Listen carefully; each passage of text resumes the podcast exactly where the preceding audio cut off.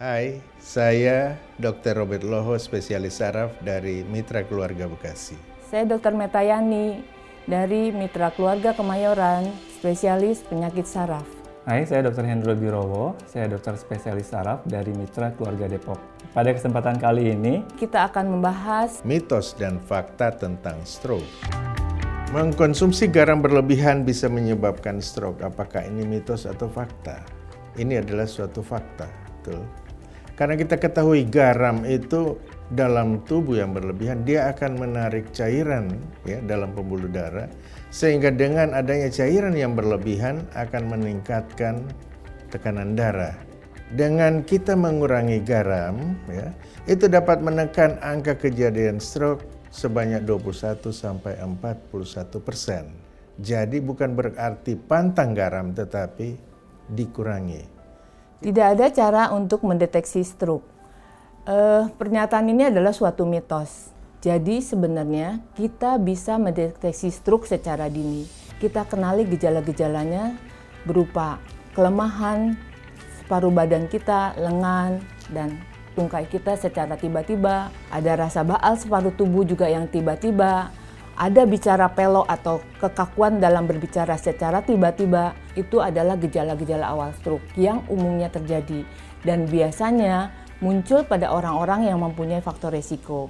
Faktor resiko yang biasanya ada adalah darah tinggi, kencing manis, kolesterol tinggi, atau pada pada perokok berat. Kalau keluarga kita atau kita mengalami hal tersebut secara tiba-tiba, segeralah datang mencari pengobatan ke rumah sakit terdekat atau ke dokter terdekat orang lebih sering terkena stroke saat sedang berada di kamar mandi. Ini mitos, karena stroke terjadinya itu mendadak. Jadi bisa terjadi di mana pun, kapan pun, atau saat sedang melakukan kegiatan apa pun. Kejadiannya memang tidak bisa diprediksi, tapi stroke bisa dihindari dengan cara mengontrol faktor resikonya. Faktor resiko stroke yaitu hipertensi, kencing manis, jantung, kolesterol, merokok, dan kurang olahraga. Jadi dengan cara mengontrol faktor risiko diharapkan kita bisa mencegah terjadinya stroke. Orang yang sudah terkena stroke, fungsi organ tubuhnya tidak bisa kembali normal. Dia bisa mitos, bisa fakta. Dalam artian begini, bahwa orang yang kena terkena stroke, 10% dia bisa kembali normal 100%. Tetapi 25% akan meninggalkan gejala sisa, yaitu dia tidak dapat mengerjakan suatu kegiatan secara sempurna. Tapi kehidupan sehari-harinya dia bisa lakukan sendiri, bisa makan sendiri, ke kamar mandi, mandi dan buang air sendiri dan sebagainya.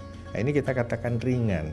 Sebaliknya 40% itu akan meninggalkan sequelae atau gejala sisa yang berat pada 40% ini dia akan ketergantungan pada orang lain yang harus membantu. Contohnya, dia tidak dapat berjalan, harus dengan alat bantu, atau yang lebih berat lagi, dia akan tetap berada di tempat tidur.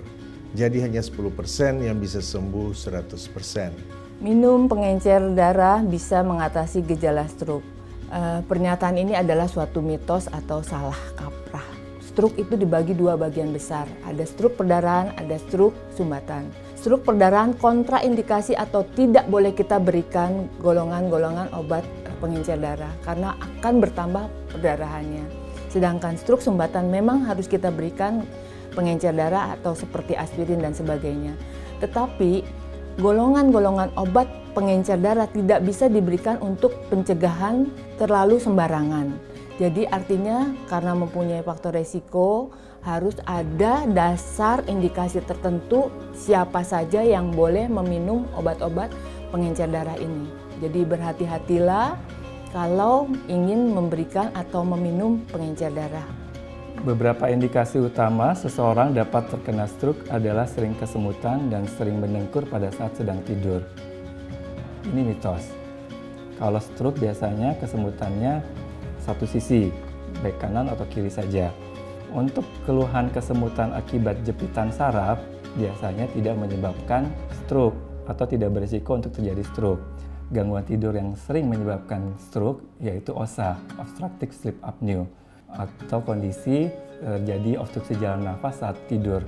Gejalanya biasanya mendengkur dan juga ada gejala lain yaitu henti nafas saat tidur. Dan OSA ini yang merupakan faktor risiko untuk terjadinya stroke. Demikian informasi yang saya bisa jelaskan. Semoga bermanfaat. Apabila Anda membutuhkan informasi lebih lengkap, silakan menghubungi mitra keluarga. Sampai jumpa di sesi mitos fakta mitra keluarga berikutnya. Mitra keluarga, life, love, laughter.